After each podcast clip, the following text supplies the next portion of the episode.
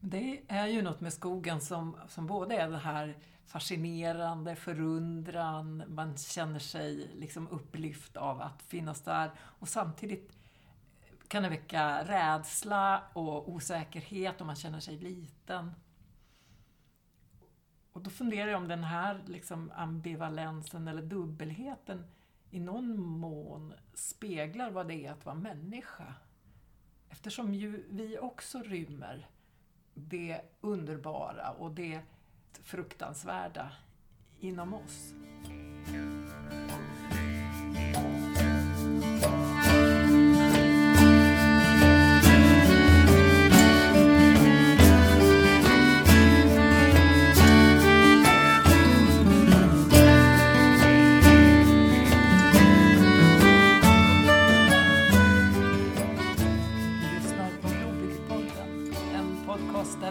Samtalar om existentiella frågor och om vad det är att vara människa i vår tid.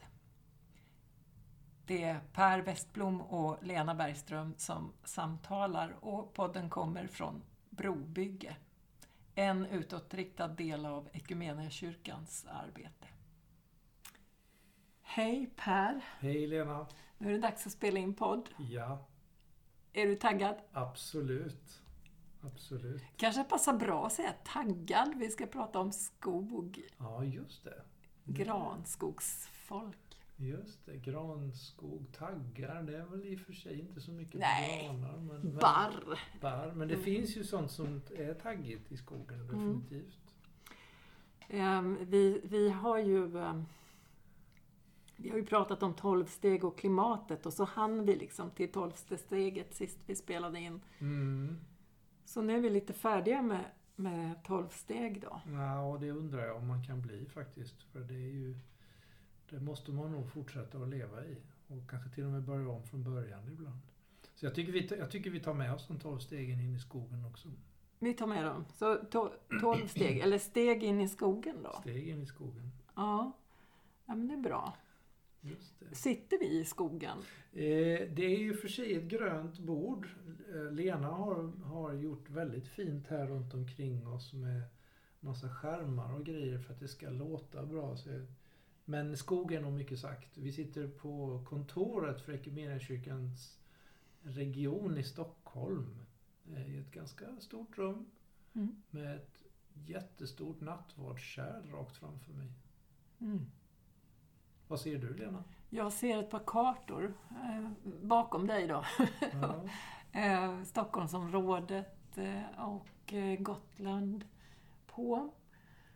Ja, och så ser jag också ut genom fönstret och eh, där kan jag faktiskt se ett stort träd. Mm. Mm, det är inte så dumt idag. Men Och vi har ju faktiskt en skog ganska nära in på oss här. En, Mm. en, en, ett, ett naturreservat till och med, Judarskogen. Eh, så vi har inte så långt dit i alla fall. nej, eh, Ju- Judarskogen, eh, naturreservat. Vet du, jag snubblade så över det ordet häromdagen. Mm. Alltså, säger vi verkligen så? Naturreservat?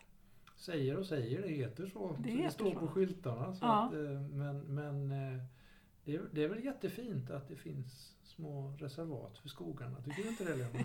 Ja, fast det är också liksom, det blir nå- någonting sådär att man måste, man har reserverat lite plats här för där skogen eller Mm. naturen kan få vara. Eller Okej. kanske där den är skyddad då från, från människor. Det är en konstig relation till, till eh, naturen när vi behöver skydda den ifrån oss. Liksom. Mm. Ja, jag har bara känt att det där, det där ordet skavde lite i mitt öra. Ja. Lite musealt blir det kanske. Ja, ja men precis. Skog var någonting som fanns förr. Vi sparar lite grann. Mm.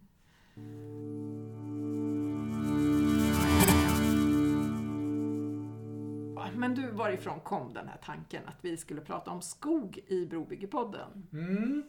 Ja, ja, det kom ju en bok för ett tag sedan som heter Granskogsfolk, hur naturen blev svenskarnas religion. Och den är skriven av religionsvetaren David Turfjell. Han har skrivit en jätteintressant bok tidigare om det gudlösa folket, alltså svenskarna. Eh, men här går han mer in på hur just skogen för många är Kanske inte så att man säger religion men, men, men man har ett närmast religiöst förhållande till det. Eh, och jag håller på att läsa den, jag tycker den är väldigt intressant. Han intervjuar bland annat 72 personer med relation till skogen. Så det är den ena. Sen var jag på en utställning med en, konstnär som heter Ann Böttcher på Bonniers konsthall. Hon, hon har specialiserat sig, skulle man kunna säga, på blyertsteckningar. Extremt precisa blyertsteckningar av, av eh, granar. Mm. Eh, och, och överhuvudtaget så är skogen ett viktigt tema i hennes konstnärskap och i den utställningen. Så där fanns också ett, ett uppslag för mig. Mm. Vad, vad var det som gjorde att du kom in på det, Lena? Ja, ja men dels har jag också stött på den här boken som du nämnde, eh, Granskogsfolk, och, och blev också intresserad av den. Och sen så har jag också följt en del den debatt som, som finns om skogen just nu utifrån både miljö och klimathänsyn. Eh, där det ju där det finns en stark debatt både internationellt men också nu om svenskt eh, skogsbruk och hur, hur vi... Det jag tycker är också intressant just det här att vi... Det finns å ena sidan den här närmast religiösa känslan för skog och, och, och en ganska nat, säga, romantisk föreställning om, om skog och natur. Och samtidigt så har vi ett väldigt krast och ekonomiskt förhållande Eh, för att vi vill använda oss av, av eh, trä på olika sätt. Och, och, det där blommar upp också när vi ska ersätta plast och, och eh, fossila bränslen. Mm. Så, så tänker vi att skog är bra. Mm. Men är inte det alltså, vi har ju, det har vi gjort länge, använt skogen mm. och, och träet. Ska vi inte det? Mm. Det är väl en bra fråga. det är en bra fråga. Ja. ja. ja men det är också en, en fråga när man, när man inte ser skogen för alla träd. När man mm. inte förstår själva liksom, livsmiljön skogen och tror att man kan bara liksom, plocka, plocka pinn och plocka bort eh, träd och, och, att det inte... Alltså, och göra det till någon slags virkesåker. Mm. Mm. Eh, men, men som du nämnde här förut någon gång om, om just naturreservaten, när, när, skog får sköta sig själv liksom bara. Eh, så, så blir det någonting annat. Mm. Det, det, är en hel livsmiljö, det är många som lever i skogen. Ja, jag tycker det är intressanta tankar, så jag var också pigg på att prata om skog. Men när, det, när vi pratar skog, när vi tänker på skog, vad är, det, vad är det du ser inom dig? Vad har du för skogar med dig? Det är flera stycken och de är ganska olika inser jag också. Eh, dels från där jag växte upp i Jönköping så fanns det några skogsområden i närheten.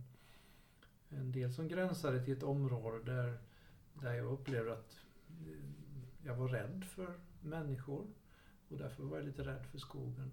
Men också ett, ett litet träskområde där det fanns en å. Eh, och där kunde man där, där, var det väl nästan så att föräldrarna sa att dit får ni inte gå för det är farligt. Men, men där blev nog skogen också lite så här en fredad zon. Där kunde man vara i, utan föräldrar och hitta på sånt som man kanske inte kunde annars. Lite dolt sådär. Mm. Sen har jag vuxit upp eh, två år i Tanzania och där var det en helt annan skog. Spännande, vildare skog. Jag var scout på den tiden och, och vi var ute mycket i, i bushen. Mm.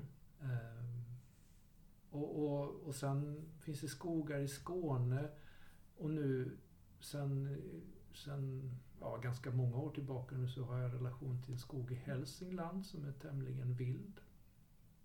Och, och um, så lever jag då mitt emellan ett antal naturreservat som vi pratade om innan, Judarskogen Grimstaskogen där jag springer ganska mycket.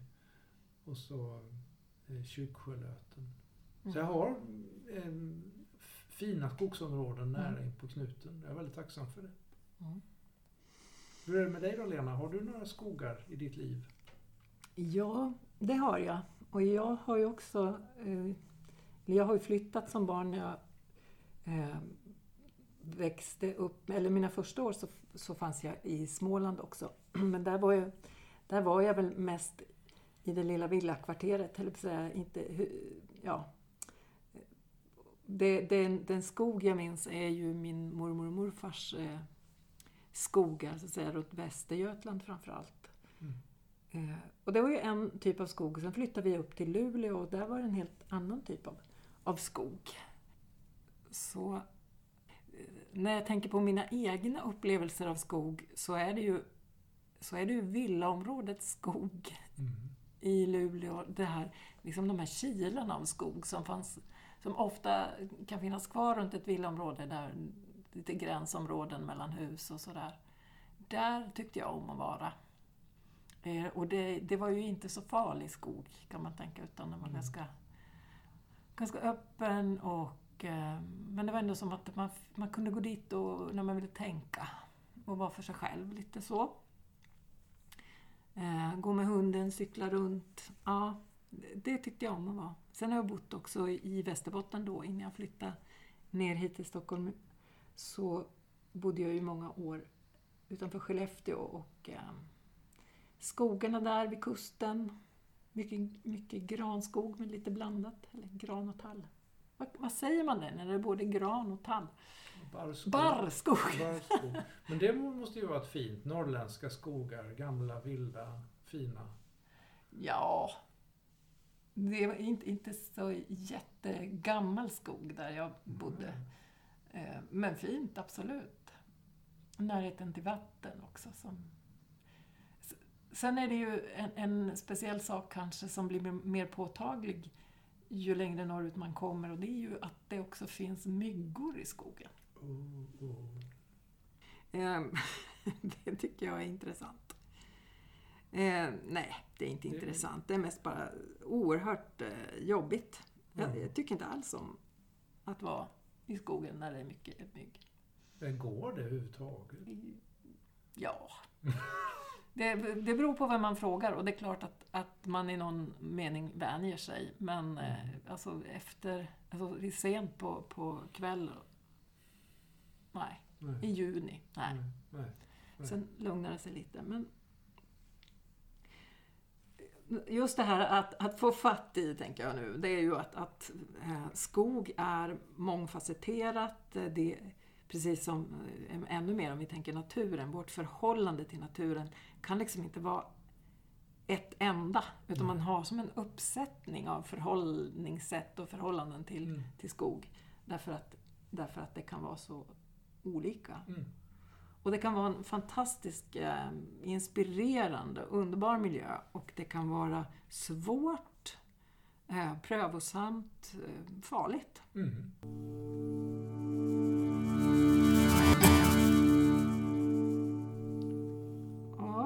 Kan, kan, kan det här ha någon bärighet in i frågor om, om det liksom existentiella? Just ja. den här dubbelheten. Ja, det är väl, eller på säga, som man kan uppleva Gud också och livet. Det är tveeggat. Jag säger inte att Gud är tveeggad, men, men upplevelsen kan ju vara både liksom kan ju vara hisnande på det här sättet som, som en, en stor skog kan vara. Alltså det som är, inte går att förklara och kontrollera riktigt. Mm. Eh, kan ju skapa en, en, en slags eh, bild av eh, vem Gud är. Eller det blir samma typ av upplevelse på något sätt. Det finns i, i David Turfjelds bok så beskriver han några personer som hur de eh, söker sig ut i skogen och, och, springer eller går och går och går tills de inte vet var de är. För att de vill liksom mm. komma åt den här känslan av att vara vilse. Mm. Uh, och, och det tyckte jag var, det tyckte jag var liksom så spännande. Varför, varför, vill man det? Mm. Uh, och, och, och, på något sätt så är det ju, känns det som att man vill, man vill komma ur någonting eller till någon slags gränsupplevelse. Har du någon erfarenhet av det? Ja, jag har nog aldrig sprungit ut för, för att eh, för att komma vilse, för det, det behöver jag inte. Det gör jag ändå. jag har jättedåligt lokalsinne och har sprungit vilse eh, flera gånger. Och, men det har ju rätt ut sig till slut. Men jag hade en väldigt stark upplevelse just i Hälsingland där det kanske är bland de mest liksom, avlägsna skogar som jag har vistats i. Eh, och där sprang jag vilse på ett sätt som gjorde att jag helt enkelt nästan greps av ångest. För jag visste till slut inte hur, var finns någon fästpunkt som gör att jag kan, mm. att jag kan hitta rätt. Och, och, den känslan var, jag ska inte säga att den var intressant, men jag kan ju i efterhand tycka att det var en, en stark upplevelse liksom att få känna det här att jag vet faktiskt inte vad som kommer hända. Jag vet inte om jag hittar hem. Mm. Och, eh, och, det var kusligt. Ja. Och det här är ju vuxen ålder. Ja, det är ja. vuxen ålder. Ja, du sitter ju här så... jo, till slut, till slut så hittar jag vatten. Och hittar man vatten så kan man ju ofta orientera sig. Så det gäller, det gäller ju att hitta en fästpunkt. Och det skulle man kunna dra många existentiella likheter med. Det gäller att hitta någon fästpunkt i tillvaron som man kan orientera sig utifrån. Men, men, men det var en skrämmande känsla. Mm. Och, och då var inte skogen vänlig för mig. Då var skogen något som eh, ja, skapade eh, oro, eh, ångest faktiskt skulle jag till och med säga. Och, och den var så tät. Jag fick, det var just den här känslan av att det var för trångt. Mm. Eh, vilket för mig är en existentiell upplevelse där jag behöver, liksom, någon behöver komma och lyfta upp mig så att jag får ett, liksom ett perspektiv på tillvaron. Mm. Det, det, är ju en bild i saltaren ibland just där jag sitter fast i någonting och, och Gud drog mig upp och jag behövde någon som drog mig upp. Mm. Men det fanns liksom ingen sån plats just då. Nej. Men det, det är... Eh, alltså, den, den existentiella upplevelsen är ju ofta en upplevelse av gräns, mm. tänker jag. Mm. Att, att man... Det, det, kan handla om, om gränsen för min egen existens. Dels kan man tänka liv och död, mm. men också var börjar jag och var slutar jag? Mm. Och, och den kan ju vara både skrämmande men också liksom fascinerande. Det här man beskriver sig som nästan ett med, med omgivningen. Mm. Mm. Ehm, och skogen är ju på något sätt en, en tänker jag, en, en perfekt bild av en massa liv som är så oerhört sammanflätat. Mm. Eh, och inte bara liv, utan liv och död. Mm. Eh, liv och död i samma kör. Mm. Någon sån här sångfras som dyker upp. Men det, det man kan se liksom hur, hur någonting som är på väg att dö eller har dött nu liksom är eh, liv, livsgivande miljö för, mm. för en massa andra arter. Och, och det är svårt att se var saker börjar och slutar. Det, det är ju väldigt tydligt i de här naturreservaten då som, som, som finns här. Där får man ju inte liksom plocka undan någonting utan faller ett träd så ska det ligga och, och självdö. Och för en människa med lite ordningssinne, jag säger inte att jag har det, så kan det ju se lite skräpigt ut helt enkelt. Mm. Och, och, det ser minst sagt dött ut. Ja, här står skogen och förfaller. Mm. Och samtidigt så är det precis som du säger att tittar man bara noggrant så, så sjuder det av liv i den här gamla trästammen. Mm. Eh, just på grund av att den är döende. Mm. Ja, jag, jag, jag, eh, jag, läste ett stycke i en, en bok alldeles nyss. Eh, Henry Newen, en, han skriver han skriver om eh, om man kan dö på ett sånt sätt att det blir till liv för, för de som lever kvar. Att mitt, till och med min död blir en, en liksom gåva. Och att det kanske till och med skulle kunna vara syftet med mitt liv. Att, att det ska vara någonting att leva av för de som lever vidare. Mm. Och den, den talar till mig också utifrån skog.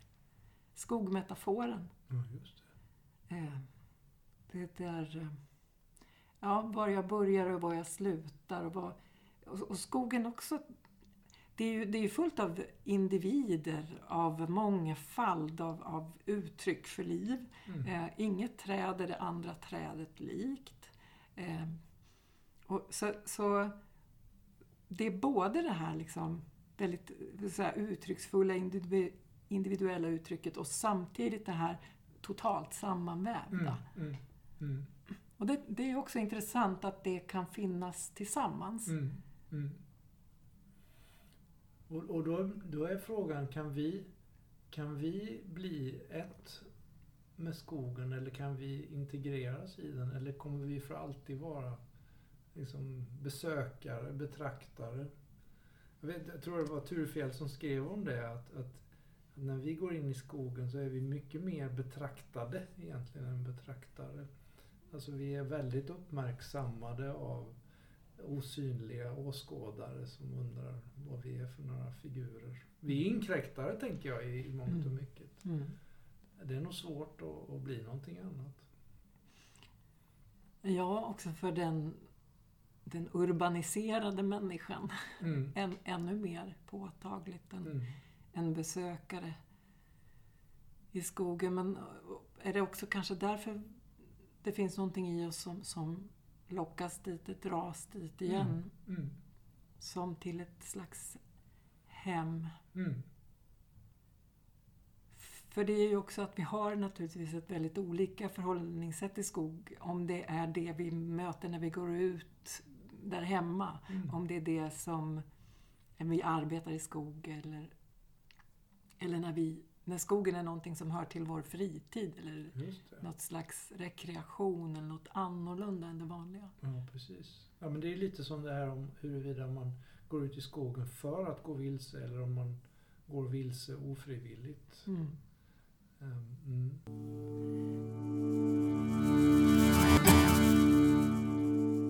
Jag tänker att det finns eh, ytterligare en, en, eh, en aspekt eh, just av, av eh, varför det kan bli så starka upplevelser.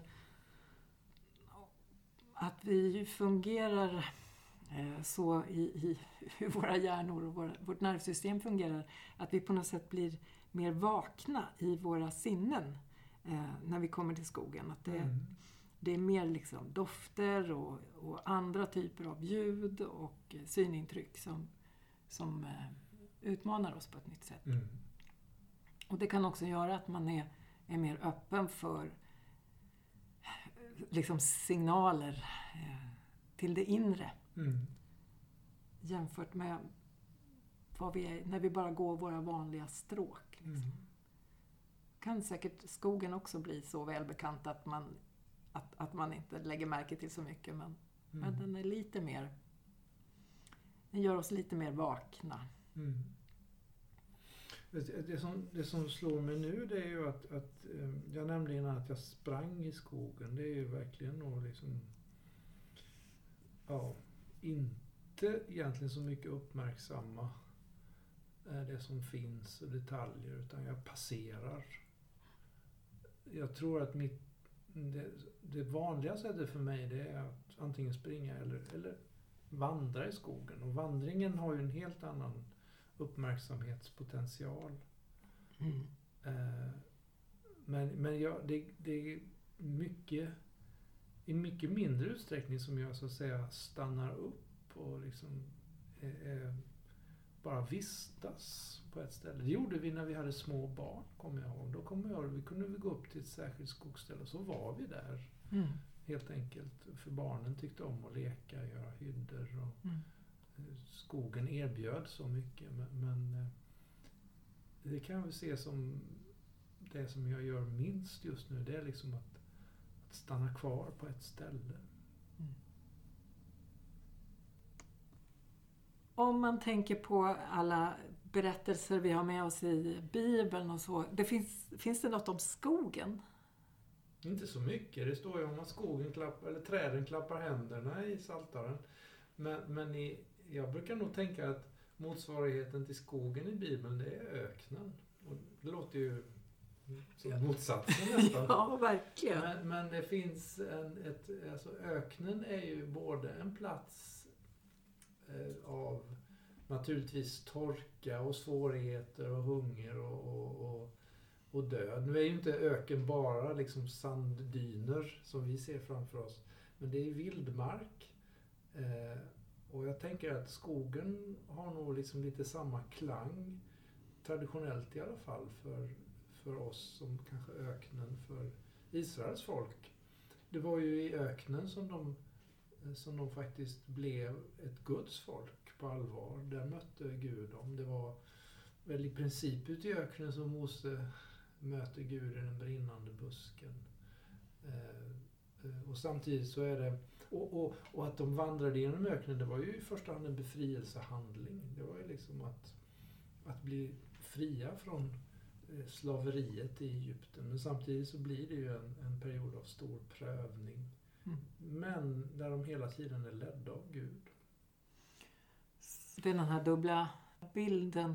Men en, en plats där, där liv blir till och samtidigt en plats för prövning. Mm. Mm. Och skogen kan man tänka sig som kan man tänka sig skogen som en plats för prövning? Ja. Eh, om du blir utsatt i skogen utan förnödenheter så tror jag, och för många människor traditionellt sett så har ju skogen varit farlig på ett helt annat sätt än vad mm. vi upplever den. Och, och både i, på grund kanske av djur men också att gå vilse eller kanske fastna på något sätt eller inte kunna ta sig igenom. Det var till tillhåll för rövare. Eh, så att, så att visst finns det stora moment av prövning mm. i skogen och, och, och, kanske ensamheten. Att, att, vara ensam i skogen kan vara lite hisnande på något sätt. Mm. Så det fanns ju i, i den kristna kyrkans första, första, vad kan vi säga, första tiden, fast kanske ändå 300-talet mm. någonstans. Mm. De här man, man talar om ökenfäder, mm. ökenmödrar. Människor som, som gav sig ut i, i öknen för att söka Gud. Skulle vi leta i vårt land skulle vi kanske leta efter skogsfäder och mödrar. Skogsfäder och mödrar, ja precis. Eh, vi hade en, en kollega tidigare i Bromma som som var lite av mystiker och, och, och, han gjorde också den kopplingen mellan skogen och öknen. Att det, det är Nordens öken liksom, där vi kan dra oss undan och möta Gud. Och för ökenfäderna då var ju, och ökenmödrarna så var ju öknen verkligen en, en plats för gudsmöten. Man drog sig ut dit för att, ja på något sätt så skalade så mycket annat av. Mm.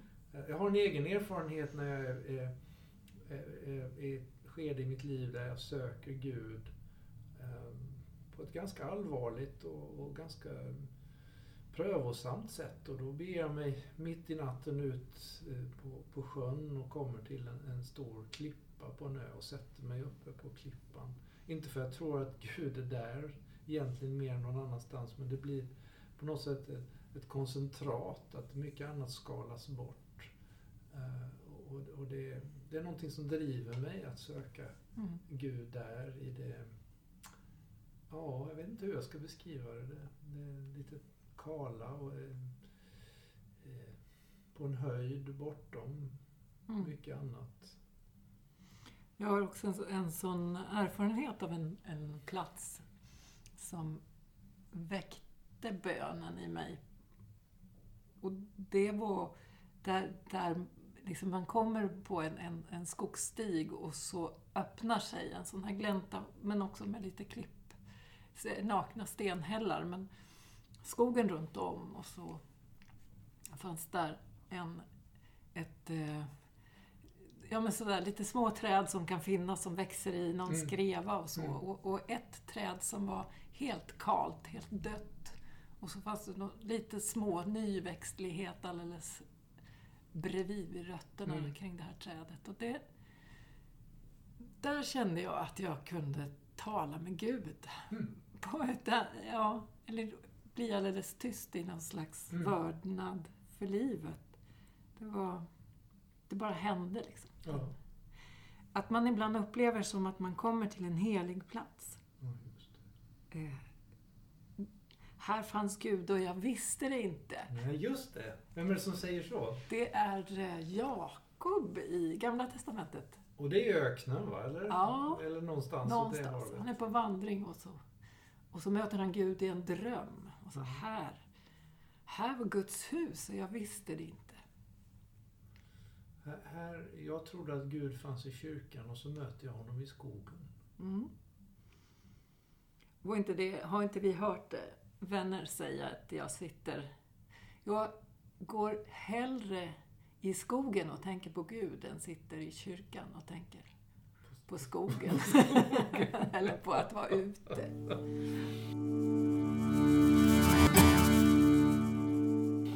Ja, men, men eh, Lena, du har, ju, du har ju hållit på med pilgrimsvandring, fast du kallar det inte det så, vet jag. Nej, just det. Jag har sagt eh, vandring har jag lett. Och någon gång pilgrimsvandring också. Ja. Mm. Vad, vad, vad lägger du in i det då? Pilgrimsvandring respektive vandring? Jag tänker att pilgrimsvandring har, en, har en, fått en väldigt speciell form. Eh, och jag tänker att man behöver inte alltid anknyta till det, utan man kan helt enkelt... Eh, det kan helt enkelt räcka att säga att vi vandrar och det har ett syfte i sig. Mm. Pilgrimsvandringen, den, den, det är ju en gammal...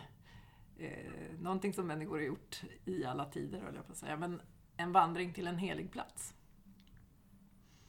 Och eh, i, i vårt land har den på senare tid fått en, en speciell form. Man ber en bön. Mm. Eh, och då brukar man använda heliga Birgittas bön. Kommer du ihåg den så här, rakt av? Herre, visa mig din väg och gör mig villig att vandra den, tror jag ungefär. Herre, visa mig din väg och gör mig villig att vandra den. Mm. Och sen, sen går man en bit och så kanske man läser någonting och ber en bön och så Mm. eh, rör man sig en speciell sträcka, pilgrimsvandring. Och då är det inte så kanske att man ska gå fram till, ett, till en speciell plats, utan det blir liksom vandringen i, i sig som är, den, som är platsen på något sätt. Mm.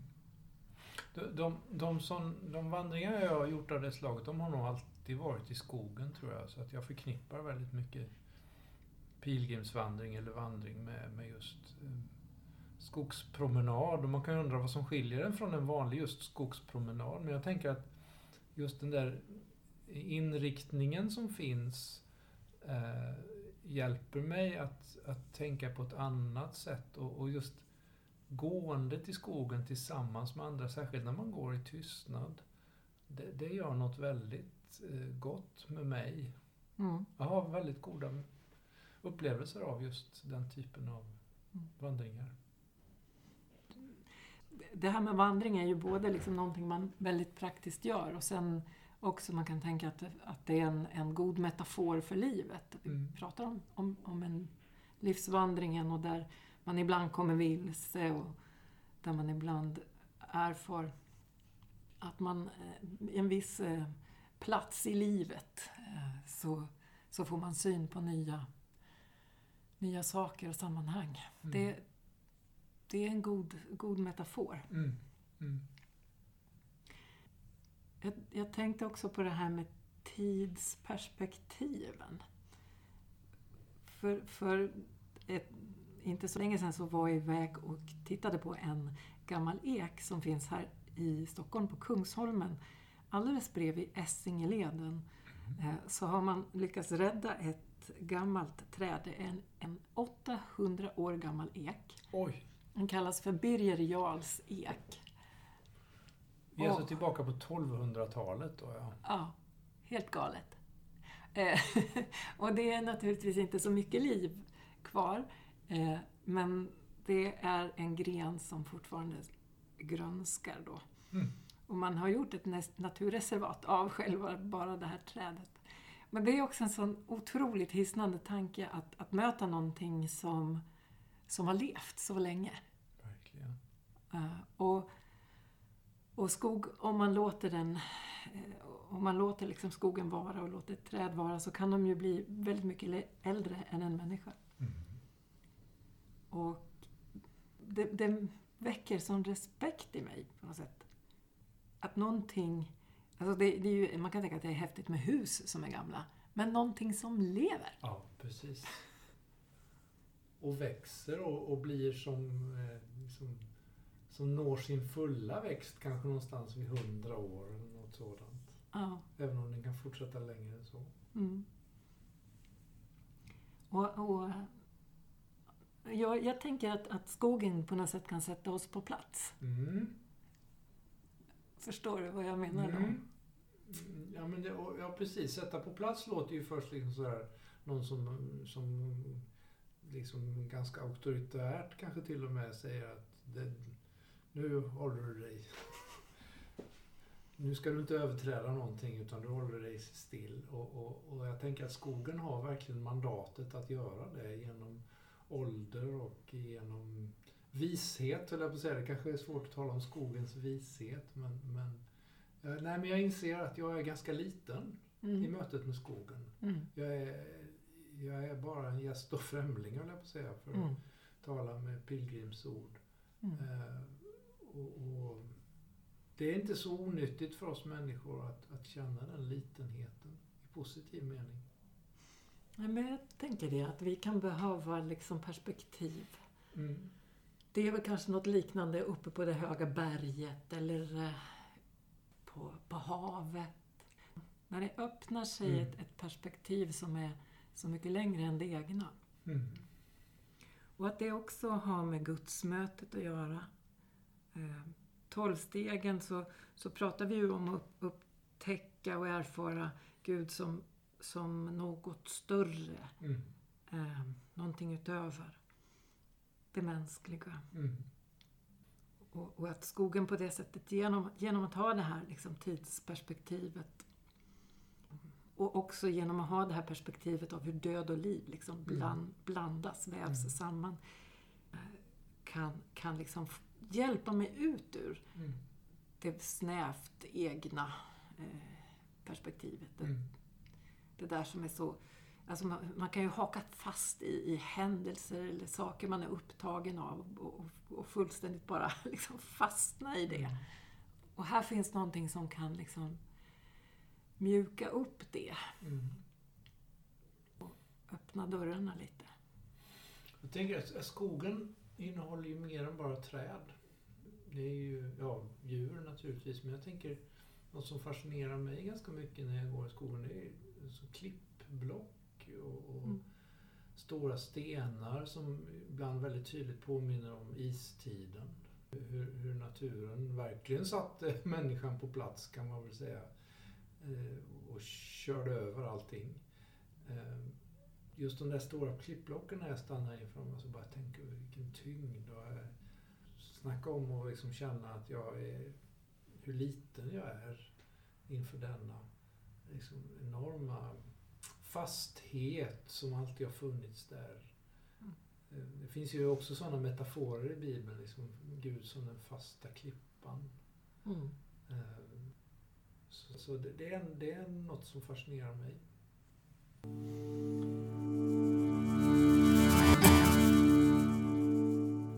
Vi ska få, få, få prata vidare, tänker jag, gång, gånger som kommer framöver här. Så, så är jag sugen på att prata dels om vad är en sån här existentiell djupupplevelse som David Turfjell kallar det. Alltså, kan vi prata om det? Vad är det man, man riktigt vad är det man erfar? Mm. Och, och vad verkar finnas oavsett om man kallar sig kristen eller har någon annan typ av religion. Vad, vad är det där som, den där gränsupplevelsen Mm. eller vad vi ska kalla det. Det skulle vara intressant att, att liksom fördjupa sig i. Är det något annat ämne sådär som du tänker att det här vill jag fördjupa ännu mer? Nej, jag, jag, jag är ju nyfiken på, jag har inte kommit dit än, om, om den här historiska utvecklingen som vi svenskar har haft i relation till skogen och hur den, hur, hur den just blev vår religion. Och då tänker jag inte att det handlar om andra utan det handlar om mig och det handlar om mina medmänniskor. Och, och hur, hur, kan, hur, kan, hur kan jag som jobbar då som pastor i en församling anknyta tydligare till skogen. För jag tror att det är viktigt att hitta just sådana här eh, anknyta till människors tro. Eh, inte komma och tala om att så här ska man tro utan liksom, här har vi en gemensam upplevelse på något sätt. Mm. Och sen så, så behöver vi nog i något avsnitt ändå prata om det här med, med människans eh, klåfingrighet Mm. inför naturen och, och, och vad, är det som händer när, när skogen förvandlas till raka rader Mm. med lika stora träd? Just det. Plantager och mm, sådana där lite... Som också är en fråga i vår tid. Liksom. Den här ambivalensen, det här med förundran å ena sidan, bävan å andra sidan. Och hur det faktiskt kan höra ihop. Ja, just det. Men när du säger också den, den här religionshistoriska eh, berättelsen. Jag, jag har nog läst lite längre än du Det nu. tror jag har. Men, men jag märker också att det, jag tycker det är lite spännande när, när man läser eh, och, och eh, på någon som, som beskriver religion och religiösa upplevelser utifrån. Mm. Och man själv känner att jag är religiös människa. Ja, Alltså jag, det här är inifrån upplevelser för Mm. mig. Eh, och att, att när någon beskriver det så där utifrån kan man nästan känna sig lite så här, ah, avslöjad eller eh, avklädd på något sätt. Mm. Det, det är både lite besvärande men också ganska nyttigt. Mm. Mm. För det är ju också hur jag läser andras eh, liksom, upplevelser av, av olika saker där jag mer Ja, tittar utifrån och Ja. hur, hur det känns. Liksom. Du är liksom lite mer omtalad än tilltalad. Ja, i, i vissa delar. Ja. Mm. Men det är också liksom, du vet, den här... Ja, men jag tror ju så här för att jag har kommit på Just att det är så här. Eller det. liksom det här att man vill äga det själv. Och så får man en lång förklaringsmodell som visar att det beror på en massa saker utanför mig själv. Att jag känner det här när jag kommer in i skogen. Mm, det. Nej, vill man ju liksom säga. Det är ju jag! han, han, han, han, du blir bestulen på din, din, liksom, din egen upplevelse på något sätt. Ja, eller min, min... Vad är det man kallar oss för? Eh, Att vara en- Autonomi kanske? Ja, men du vet också bilden av att man är en alldeles unik liten Ja, snöflinga. Just det. Just det. Ja, den är svår. Tänk att jag inte, var jag inte så speciell som jag trodde.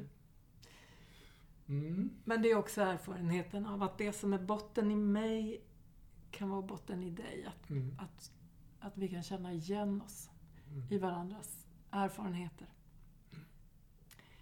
Ja, ja men det här känns spännande. Mm. Vi, eh, vi fortsätter in i skogen i kommande avsnitt och hoppas att vi kanske bjuder in någon fler också. Ja, men det kan vi göra. Du, förresten, vi pratade ju om den här titeln. Visst gjorde vi det? Granskogsfolk, var den kom ifrån. Ja, Ska vi inte läsa det det borde vi göra. citatet?